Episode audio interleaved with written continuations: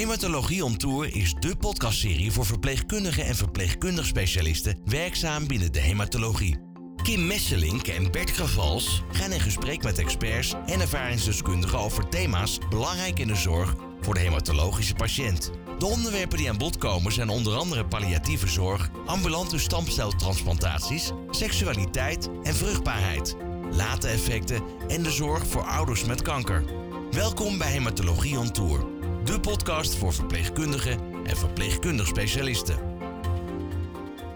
In deze podcast hoor je wat de toegevoegde waarde is van moleculaire diagnostiek naast het kijken door bijvoorbeeld de microscoop en hoe de ontwikkelingen op het gebied van moleculaire diagnostiek mede uitkomsten voor patiënten met bijvoorbeeld acute myeloïde leukemie verbeterd hebben. Hoi Bert, Hoi Kim. we zijn vandaag in Rotterdam in het Erasmus MC bij Peter Valk. Zou je Peter willen introduceren? Peter Valk is moleculair bioloog, universitair hoofddocent en hoofd van het Hemato-Oncologie Laboratorium van het Erasmus MC in Rotterdam. Dag Peter. Hoi. Eh, We beginnen met een hele algemene vraag. Kun je ons vertellen wat de moleculaire biologie of de moleculaire diagnostiek van hematologische maligniteiten precies is? Nou, als je vraagt precies, dan wordt dat dan een heel lang verhaal natuurlijk. Maar als ik het heel kort samenvat, is de moleculaire diagnostiek onderdeel van de diagnostiek van hematologische maligniteit. Ik denk dat dat al belangrijk is om het eerst te zeggen. Eh, moleculaire diagnostiek wordt zeker eh, recent gezien als de diagnostiek van hematologische maligniteiten. En dat is natuurlijk niet zo. Eh, wij zien patiënten allereerst door de microscoop. Dan kijken we naar een beenmerg, zien we daar afwijkingen. En pas dan gaan we andere stappen zetten en dan gaan we naar immunofenotypering. Dus laten we zeggen, we zien een acute leukemie. Met immunofenotypering weten we, het is een acute myeloïde leukemie of een acute lymfoïde leukemie. En pas dan gaan we moleculair kijken. En dan kijken we vaak eerst naar de chromosomen. Dat is de cytogenetica. Dan kijken we naar hele grote afwijkingen die dus zichtbaar zijn in de chromosomen. En vervolgens gaan we in meer detail kijken. En dan praat je dus over moleculaire diagnostiek. Kijk je naar kleine afwijkingen in het DNA die belangrijk zijn voor de behandeling van de patiënt. Dus dat is eigenlijk heel in het algemeen wat we moleculaire diagnostiek noemen. Dus we kijken naar hele kleine afwijkingen in het DNA die belangrijk zijn voor de behandeling van de patiënt. En dat kan enerzijds zijn om de diagnose gewoon goed te stellen. En een bepaalde afwijking is heel specifiek geassocieerd met een hele specifieke eh, hematologische maligniteit. Dan weten we, dit is 100% die maligniteit. Het kan zijn dat het een marker is die belangrijk is voor de prognose van de patiënt. Dus dan weten we van, nou oké, deze patiënt heeft een relatief goede prognose. Deze patiënt heeft een relatief slechte prognose. En afhankelijk van de goede of slechte prognose kan je dan ook de behandeling van de patiënt beter inzetten. Als je een goede prognose hebt, zal je misschien een mildere behandeling, vervolgbehandeling geven. Terwijl als je een slechte marker hebt, zou je misschien meer intensief de patiënt gaan behandelen. Om die patiënt dan een betere kans te geven. Nou, en als laatste is de moleculaire diagnostiek dan belangrijk voor het bepalen van de respons op de therapie. Dus een patiënt wordt behandeld, hè, maakt in principe niet uit welke behandeling. En na verloop van tijd ga je weer kijken naar zo'n moleculaire afwijking. Kunnen we die nog detecteren? Nou, is die afwezig, dan kan je zeggen, nou, die patiënt heeft heel goed gereageerd. Is die nog steeds aanwezig, dan is het belangrijk in welke mate die nog aanwezig is. En dan kan je ook iets zeggen over hoe goed of hoe slecht een patiënt reageert op de therapie. Ja, want ik zie wel eens in het, eh, in dossier staan. De MRD, is dat eigenlijk wat je noemt als laatste? Dat is precies wat het is. Ja, dus MRD staat voor minimale of eh, meetbare restziekte, eh, detectie. En dan kijk je inderdaad van, nou, een patiënt wordt behandeld en kunnen we inderdaad na de behandeling nog steeds de ziekte detecteren. En dat is natuurlijk een hele goede mate om te bepalen of iemand al dan niet heeft gereageerd op de therapie. En welke technieken zijn er binnen de moleculaire diagnostiek? Nou, ik heb net, al gezegd, kijk, in principe is het zo dat als je naar moleculair genetische bepalingen gaat kijken, dan heb je allereerst de cytogenetica. Dus dan, dan kijk je echt naar chromosomale afwijkingen. Dus dat zijn grote afwijkingen. En wanneer je in een cel kijkt, dan kan je die cel laten delen, kan je laten stoppen met delen en dan kan je daadwerkelijk de chromosomen zien liggen. Nou, dat betekent dat je hele grove afwijkingen kan zien, hele kleine afwijkingen zal je niet zien. Maar dat is in principe de eerste stap. Het is geen moleculaire diagnostiek officieel natuurlijk, maar het is wel ook de genetische afwijking waar je dan naar kijkt. En dan breekt bijvoorbeeld chromosoom 8 en chromosoom 21 en die gaan weer aan elkaar zitten. En dat is echt een dramatische afwijking natuurlijk die je heel goed kan zien met cytogenetica. Ook daar geldt weer voor, kan belangrijk zijn voor de diagnose, voor de prognose, voor de respons op therapie. Nou, bij de moleculaire diagnostiek, zoals ik net al zei, is het anders. Daar kijken we naar echt hele kleine afwijkingen.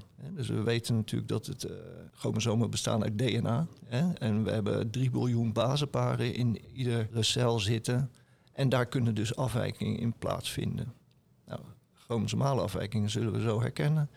En kleinere afwijkingen zou je dus andere technieken voor moeten gebruiken. Nou, de techniek die we eigenlijk bijna voor al onze bepalingen gebruiken is de, de polymerase kettingreactie, of, of PCR, polymerase chain reaction. En zullen vele mensen niet kennen, maar tegelijkertijd wel kennen. Want uh, bij een, bijvoorbeeld een moordzaak op de plaats delict wordt natuurlijk ook altijd gezocht naar een klein beetje bloed, een klein beetje speeksel of een haar of sperma. En daar wordt dan DNA uitgehaald. En dan met de polymerase kettingreactie kan je dus uit een heel klein beetje materiaal, want je hebt dan een heel klein beetje DNA uit dat speeksel bijvoorbeeld gehaald. En uit dat hele kleine beetje DNA kan je met de polymerase kettingreactie een stukje van het genoom, dus van het DNA wat in de cel aanwezig is, amplificeren. Dus vermenigvuldigen. Dan kan je het zichtbaar maken. Dus eigenlijk bij alle technieken die wij gebruiken, eh, is die polymerase kettingreactie eigenlijk uh, key. Dat is de, de basis. Dus we amplificeren dan een klein stukje van het DNA bijvoorbeeld en we sequencen dat. En dan bepalen we de basisvolgorde van het kleine stukje DNA wat daar aanwezig is. Dus sequencing is heel belangrijk, het, het sequencen. Maar met de PCR kun je ook het zo inrichten dat je een specifieke mutatie heel specifiek kan amplificeren. En dan kan je eigenlijk het amplificeren. En dan weet je dat als je een signaal ziet, dan weet je, oké, die mutatie was dus bij die patiënt in dat B-merg aanwezig. Dus dat is een andere manier. Om het nog iets ingewikkelder te maken, maar in principe is, het, is, is dat wel de basis. De polymerase kettingreactie kunnen we ook op RNA toepassen. Dus dan kijken we niet naar het DNA wat in de cel aanwezig is, maar eigenlijk het afgeschreven DNA. Dat is een RNA-molecuul en dat komt een gen tot expressie. Nou, we hadden het daar net over die, die chromosomale afwijkingen. Daar breken chromosomen. Chromosomen gaan weer aan elkaar zitten, en verschillende chromosomen. En dan krijg je fusiegenen.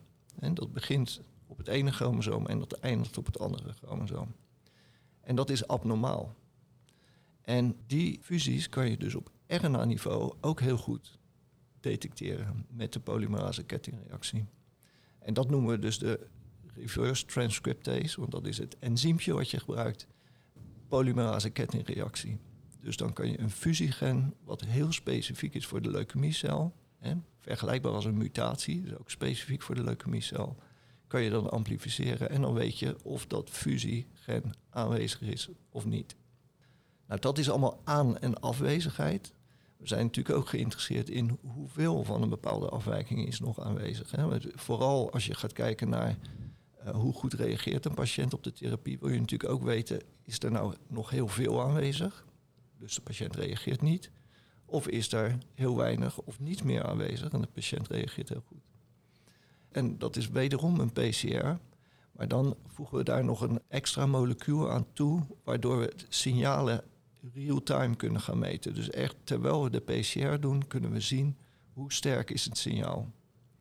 En als je dat op die manier doet, zonder heel erg in detail te gaan, kan je dus aan de hand van dat signaal bepalen van hé, er is heel weinig van die fusie of van die mutatie aanwezig, of er is nog heel veel aanwezig. En dan kan je dus echt gaan kwantificeren, zoals we dat noemen. En is dat dan ook belangrijk voor de behandeling? Nou, dat is natuurlijk heel belangrijk voor de behandeling. Nou, kijk, een, een heel mooi voorbeeld, denk ik, misschien wel het mooiste voorbeeld wat we kennen, is natuurlijk chronische myeloïde leukemie. Daar hebben we heel veel, ook verpleegkundigen, wel over gehoord natuurlijk. Dat zijn patiënten, daar is ooit zo'n chromosomale fusie, de translocatie 922, geïdentificeerd. Daar is toen het fusiegen, BCG-ABL, geïdentificeerd. En daar zijn hele specifieke remmers voor ontwikkeld. Hè, die, die de werking van BCRABEL uh, blokkeren. Nou, die patiënten reageren heel goed op de therapie.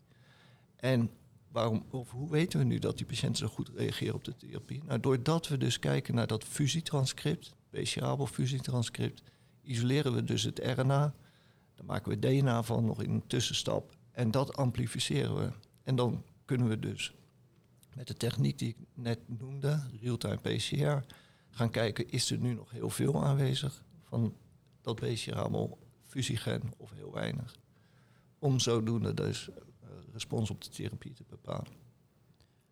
Hoe lang uh, kennen we deze techniek eigenlijk al? Want je zei van ja, dat is een van de, de nieuwere ontwikkelingen zeg maar, in de diagnostiek. Spreken over 10 jaar, 20 jaar.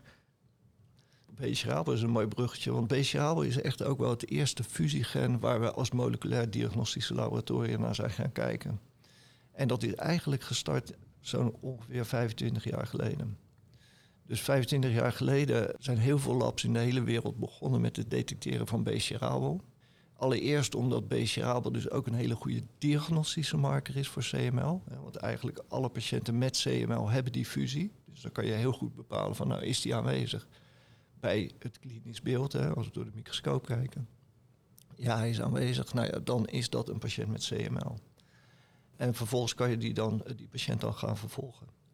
Nou, 25 jaar geleden zijn we dus begonnen daarmee. Uh, dat was de eerste marker waar we al het mee deden. In verschillende labs werd dat gedaan. Iedereen had zijn eigen protocollen natuurlijk. Nou, dat was eigenlijk een chaos. Het was heel erg lastig ook om die resultaten van verschillende labs met elkaar te vergelijken. Daar kun je echt een boek over schrijven. Maar daar zijn verschillende stappen gezet om zeg maar, de bepalingen te harmoniseren. Het is heel lastig om alle labs precies hetzelfde te laten doen. Het is eigenlijk onmogelijk, want iedereen heeft zijn eigen apparatuur, zijn eigen mensen, nou, noem maar op. Dus daar is een, een, een andere truc uitgevonden waardoor we, laten we zeggen, op de internationale schaal BCRABO kunnen meten.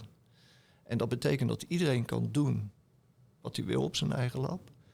Maar door het resultaat van het desbetreffende lab te vertalen naar die internationale schaal, kan je dus resultaten van verschillende labs ineens heel goed met elkaar gaan vergelijken. Dus wat we eigenlijk bij CML, en daarvoor noem ik het een mooi voorbeeld, hebben gezien. Hè, eerst is die translocatie geïdentificeerd, toen het fusiegen, toen zijn de methodes ontwikkeld en dat is nu echt gestandardiseerd. Dus een patiënt met CML wordt behandeld met een inhibitor en het is echt bijna een kookboek voor een hematoloog om te weten van oké, ik zie die patiënt nu na bijvoorbeeld zes maanden. Dit is het niveau van BCRABEL, dus ik moet dit doen. Dat zouden we voor heel veel andere bepalingen ook en maligniteiten ook willen hebben. Die zijn er zeker nog niet. Oké, want dat was mijn volgende vraag. Van dit is al best wel oud. Tenminste, in mijn ogen. Als je ziet hoe snel het allemaal gaat. En eh, hebben we nog zo'n succesverhaal? Of zitten we daar nog een beetje op te wachten? Nou, het tweede echt succesverhaal bij, bij hematologische maligniteit is natuurlijk APL. Is hetzelfde, daar heb je een, translocatie van chromosoom 15 en 17. Dan heb je een fusie-eiwit wat gevoelig is voor uh, vitamine A. En als je patiënten met APL, dus met vitamine A behandelt, dan heb je een hele goede respons op de therapie. Dus daar kan je hetzelfde over zeggen. Dat is ook weer een hele specifieke diagnostische marker. Kan je ook heel goed het vervolg meten. Die patiënten hebben zo goede respons op de therapie, dat daar nooit eigenlijk gestandardiseerd is. Want het is daar veel meer de vraag, is het er nog wel of is het er niet? En niet zozeer het niveau. Dus dat is in die zin niet zo'n... Uh, ja, het is ook niet echt noodzakelijk geweest, zeg maar, voor die maligniteit. En ja, daarnaast zijn er niet zoveel andere bepalingen zover gestandardiseerd als, als bij eh, CML zijn ook nog niet heel veel maligniteiten waarin we restziektedetectie doen. Dus wat we natuurlijk wel gestandardiseerd is, eh, hebben, zijn heel veel methodes die we nodig hebben bij de diagnose, hè, dus bij het begin van de ziekte. En kijk, wat, wat daar een van de belangrijkste ontwikkelingen is geweest, zeg maar in de recente jaren, uh, is de, het zogenaamde Next Generation Sequencer dus waar we in het verleden heel specifiek, ik heb een paar voorbeelden gegeven voor APO, voor CML, heel specifiek naar een bepaalde afwijking keken, omdat die ook heel specifiek zijn voor die maligniteiten. Weten we natuurlijk ook dat binnen de hematologische maligniteiten er een enorme heterogeniteit is. Dus je hebt zeg maar maligniteiten waar je gewoon veel meer afwijkingen hebt. En, en dat kunnen uh, wederom mutaties zijn, en dus kleine afwijkingen. En ook heel vaak combinaties van, uh, van afwijkingen. Dus eigenlijk, als je bijvoorbeeld naar acute myeloïde leukemie kijkt, is eigenlijk geen één patiënt hetzelfde wat dat betreft. Je, vindt verschillende type mutaties, je vindt, uh, vindt verschillende combinaties van mutaties. Dus dat was in het verleden echt een uitdaging. En daarvoor hebben we nu gelukkig Next Generation Sequences, waar je dus inderdaad al die mutaties van bij een bepaalde patiënt in één essay kan detecteren. Ook daar is de polymerase kettingreactie weer de basis. Want je amplificeert gewoon stukjes van het DNA. En we weten daar heel goed welke genen we bijvoorbeeld willen, waar we in geïnteresseerd zijn. En met het Next Generation Sequencen bepaal je gewoon de basisvolgorde. Dus hier kijk je niet naar een fusie van een eiwit, hier kijk je puur op het DNA. Vinden we mutaties in het DNA die mogelijk belangrijk zijn, wederom voor de moleculaire diagnostiek. En nou, uh, het begint me een beetje te duizelen, want, want dat is dan het verschil tussen een mutatie en een chromosoomafwijking.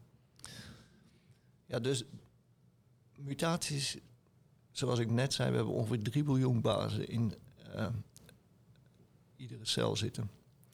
En die 3 biljoen bazen zorgen, dat zijn ook de chromosomen natuurlijk. Hè? Een chromosoom of het DNA is natuurlijk allemaal hetzelfde. Een chromosoomafwijking, ja, daar, daar verliezen we bijvoorbeeld een chromosoom.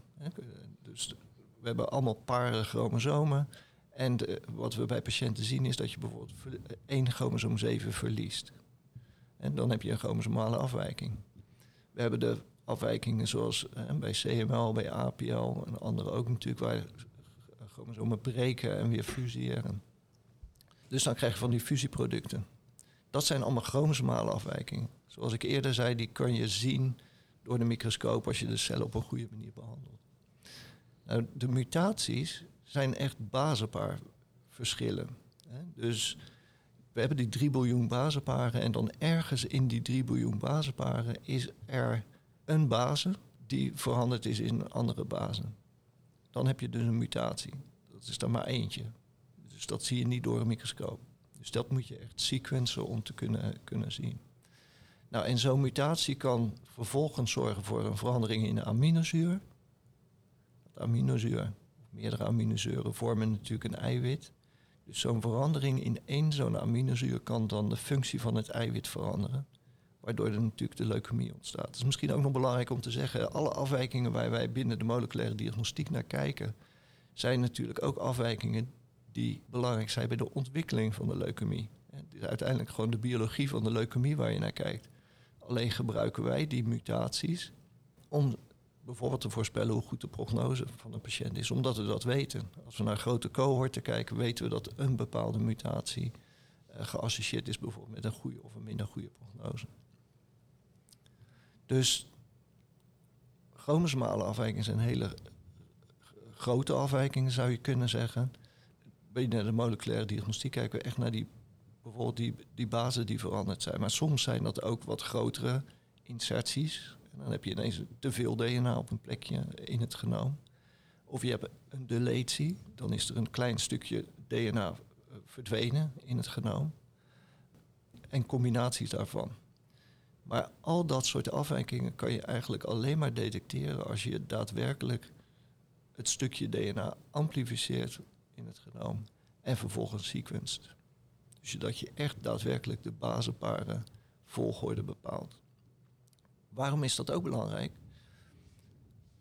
We hebben mutaties in de verschillende hematologische maligniteiten. Dat noemen wij hotspot mutaties. Dus dat zijn vaak mutaties, verandering van bijvoorbeeld één bazenpaar, wat niet in één patiënt gebeurt, maar in heel veel patiënten. Precies op dezelfde plek in het genoom. Dus dan, wij noemen dat dus een hotspot mutatie. En dan kan je ook weer de vraag stellen van, nou is dat geassocieerd met deze maligniteit? Is het geassocieerd met de prognose? Je kan ook weer als MRD-marker gebruiken. Maar het is een mutatie die terugkerend is. Dus daar kun je relatief makkelijk een essay op maken. Maar wat we natuurlijk ook zien is dat je heel veel patiëntspecifieke afwijkingen hebt. Dus dan heb je een gen, neem het TP53-gen. Dat heeft, veel mensen hebben daar wel van gehoord. Daar heb je dus geen hotspot mutaties. Er zijn er wel een beetje. Maar in principe kunnen die mutaties door het hele gen plaatsvinden. En dan kan je dus niet volstaan met een heel klein stukje van het gen amplificeren. Maar dan moet je echt het hele gen sequencen om te bepalen of er mutaties in dat gen aanwezig zijn. En vandaar dat wederom die Next Generation Sequencing, NGS afgekort, zo belangrijk is geworden voor ons. Daar doen we eigenlijk bijna alles mee nu. En is die NGS nu het ultieme?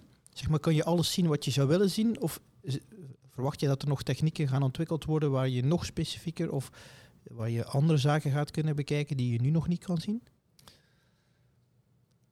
Nou, het, het is wel het ultieme. Wat vaak met next generation sequencing hand in hand gaat, is dat het heel kostbaar is. Dat gaat veranderen, denk ik, in de, in de komende jaren.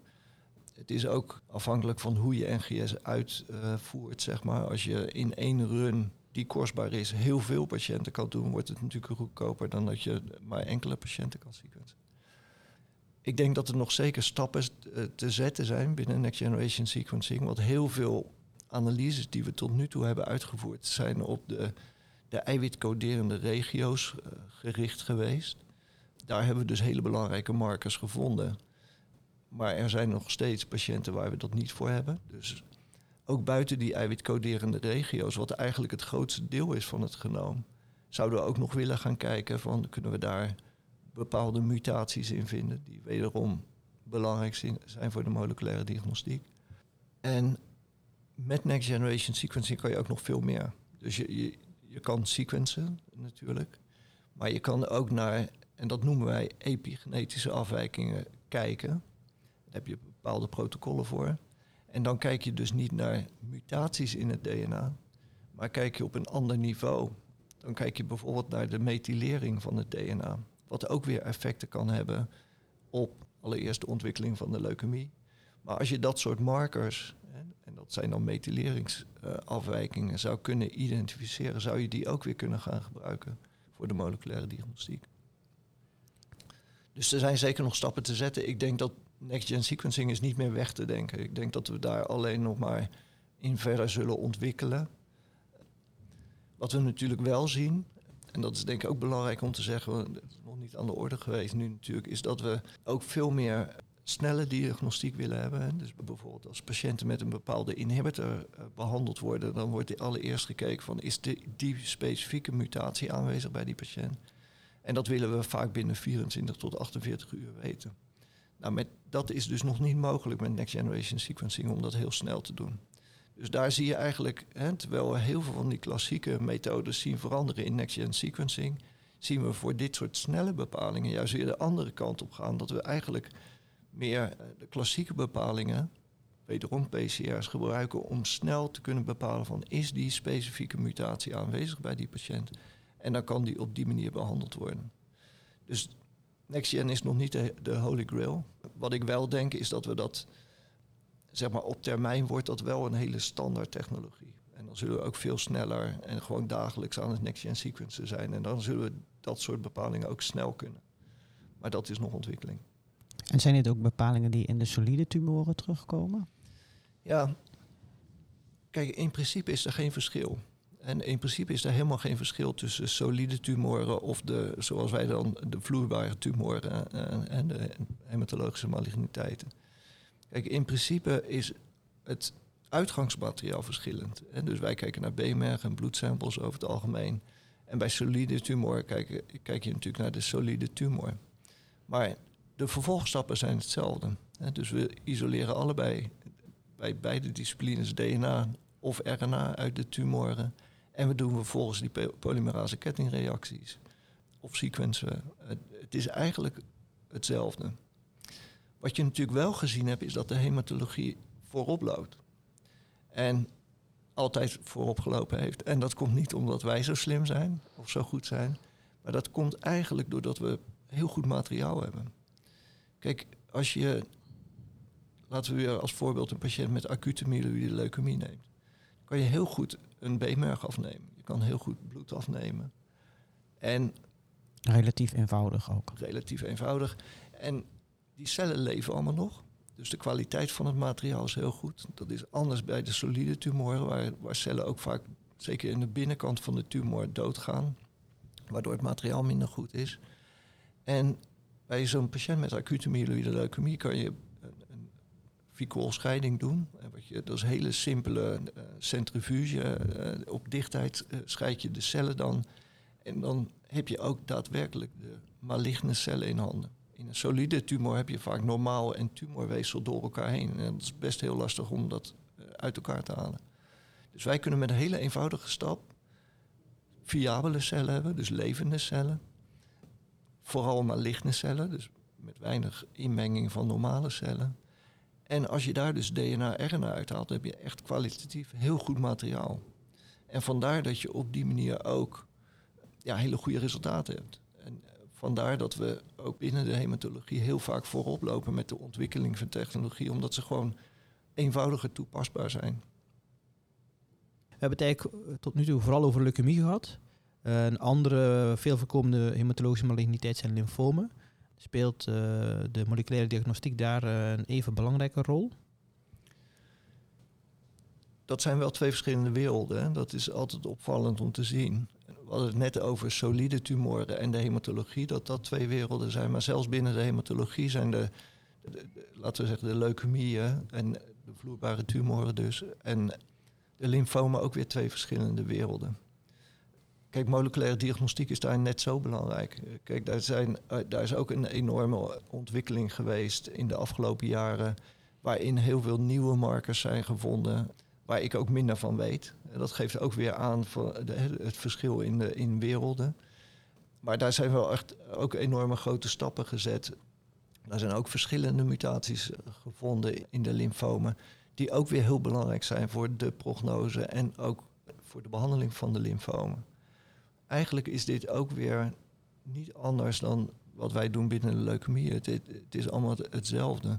Maar juist de technologieën die we natuurlijk in de afgelopen jaren hebben kunnen gebruiken in, in al ons onderzoek, maar dus ook in de diagnostiek, maken het mogelijk dat we daar wel eh, naar kunnen kijken. Dat we ze kennen allereerst, hè, dat we in het onderzoek ze hebben gevonden en dat we ze nu ook in de routine diagnostiek kunnen toepassen. Kijk, je moet je voorstellen, wij zijn denk ik een jaar of uh, 15, denk ik, geleden begonnen met Next Generation Sequencing. Maar dat was alleen in het onderzoek.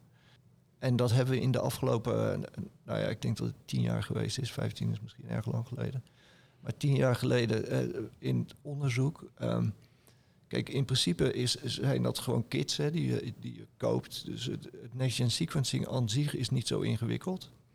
Maar er zit ook nog een heel verhaal achter. Want je krijgt hele grote datasets komen daaruit.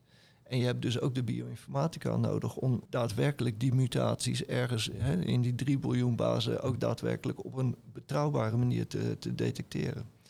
Nou, uh, wij hebben het geluk dat we wat bioinformatici op de afdeling hebben. Daar hebben we dus in de afgelopen jaren ook heel veel in geïnvesteerd. En zij hebben ja, hele belangrijke pipelines, zoals we dat dan noemen, ontwikkeld hè, voor de daadwerkelijke analyse van de NGS-dataset die we krijgen Hè, zodat we op het lab ook weten waar we naar kijken. Hè, wat voor mutaties er wel aanwezig zijn en wat voor mutaties er niet aanwezig zijn. Nou, dat hebben we in, de in eerste instantie heel duidelijk in een onderzoeksetting ontwikkeld. En meer in de recente vier jaar, zeg maar, hebben we dat ook daadwerkelijk in de routine diagnostiek eh, geïmplementeerd. Zodat mensen op het lab, dus dat zijn geen bioinformatici, maar dat zijn uh, de mensen die het NGS zelf doen, de data door zo'n pipeline heen kunnen halen. Daar komen varianten uit en daar kunnen ze zelf dan naar kijken, naar die varianten. En zelf bepalen van nou die mutaties zijn wel aanwezig en die mutaties zijn niet aanwezig. Dus dat is een vertaling van onderzoek naar de routine geweest. En ja, dat loopt nu als een trein. Dat is prachtig. En uh, wat moet de verpleegkundige van jou eigenlijk precies onthouden over moleculaire diagnostiek? Ik weet dat een, een, een zo'n verhaal wordt altijd heel erg snel ingewikkeld. En, en dat is ook best ingewikkeld om het eenvoudig te houden. Uh, omdat je ook ja, de mogelijkheden wil omschrijven. En je, en je raakt al heel snel verstrikt in, in uh, vaktermen. ja. uh, die je op een, op een eenvoudige manier wil over, overbrengen. Kijk, het, ik denk dat voor de verpleegkundige het, het belangrijkste is waar we mee begonnen. Dus moleculaire diagnostiek is niet de holy grail. Is niet het enige wat er gaande is. Weet je? Ik krijg vaak mensen ook op het lab. En die, die zijn dan heel vaak heel snel alleen maar geïnteresseerd in de moleculaire diagnostiek. En dat is natuurlijk niet, niet de werkelijkheid. Uiteindelijk is in mijn beleving het beenmerg en het bloedsample wat wij als eerste binnenkrijgen van de patiënt is eigenlijk misschien wel het belangrijkste. Als we daar niks in zien, dan gebeurt er ook daarna niks meer. Dus dat is denk ik een belangrijke boodschap. Dus dat die materialen op een goede manier bij ons terechtkomen. terechtkomen. Ja, en verder, en dus wel iets meer inhoudelijk voor wat betreft de moleculaire diagnostiek. Dus moleculaire diagnostiek, je kijkt naar genetische afwijkingen, kleine genetische afwijkingen, om de diagnose te bepalen van een patiënt. Om de prognose te bepalen van een patiënt, zodat de therapie afgestemd kan worden voor die patiënt. En vervolgens om te kijken eh, van hoe goed kunnen we respons van de patiënt in kaart brengen door naar zo'n moleculaire marker te kijken in de, in de loop van de tijd. Zou je kunnen zeggen, of ben ik dan een beetje kort door de bocht, als ik zeg dat die diagnostiek is eigenlijk allereerst het, uh, de, daarvoor hebben we eigenlijk alleen dat bloed en dat beenmerg. En de moleculaire, dat is echt ook voor verder fine-tunen van de behandeling. En kijken of de behandeling. Klopt. Kijk, en soms is het natuurlijk zo dat als je door de, uh, de microscoop kijkt, is het niet helemaal duidelijk. En dan kan de moleculaire diagnostiek al sneller van toegevoegde waarde zijn, zeg maar. Ja. Maar ik ben het helemaal met je eens dat de eerste blik door de microscoop toch echt heel belangrijk is. En dan, daar komt helemaal niks moleculairs aan, uh, aan te pas. Ik ken hematologen die hier heel blij van worden dat je dit zegt. goed. moleculaire diagnostiek is niet meer weg te denken uit uh, de praktijk, de hematologische behandelingen. En wordt wellicht alleen maar nog belangrijker in de toekomst. Klopt. Dankjewel Peter. Dankjewel. Tot zover Hematologie on Tour, de podcast voor verpleegkundigen en verpleegkundig specialisten.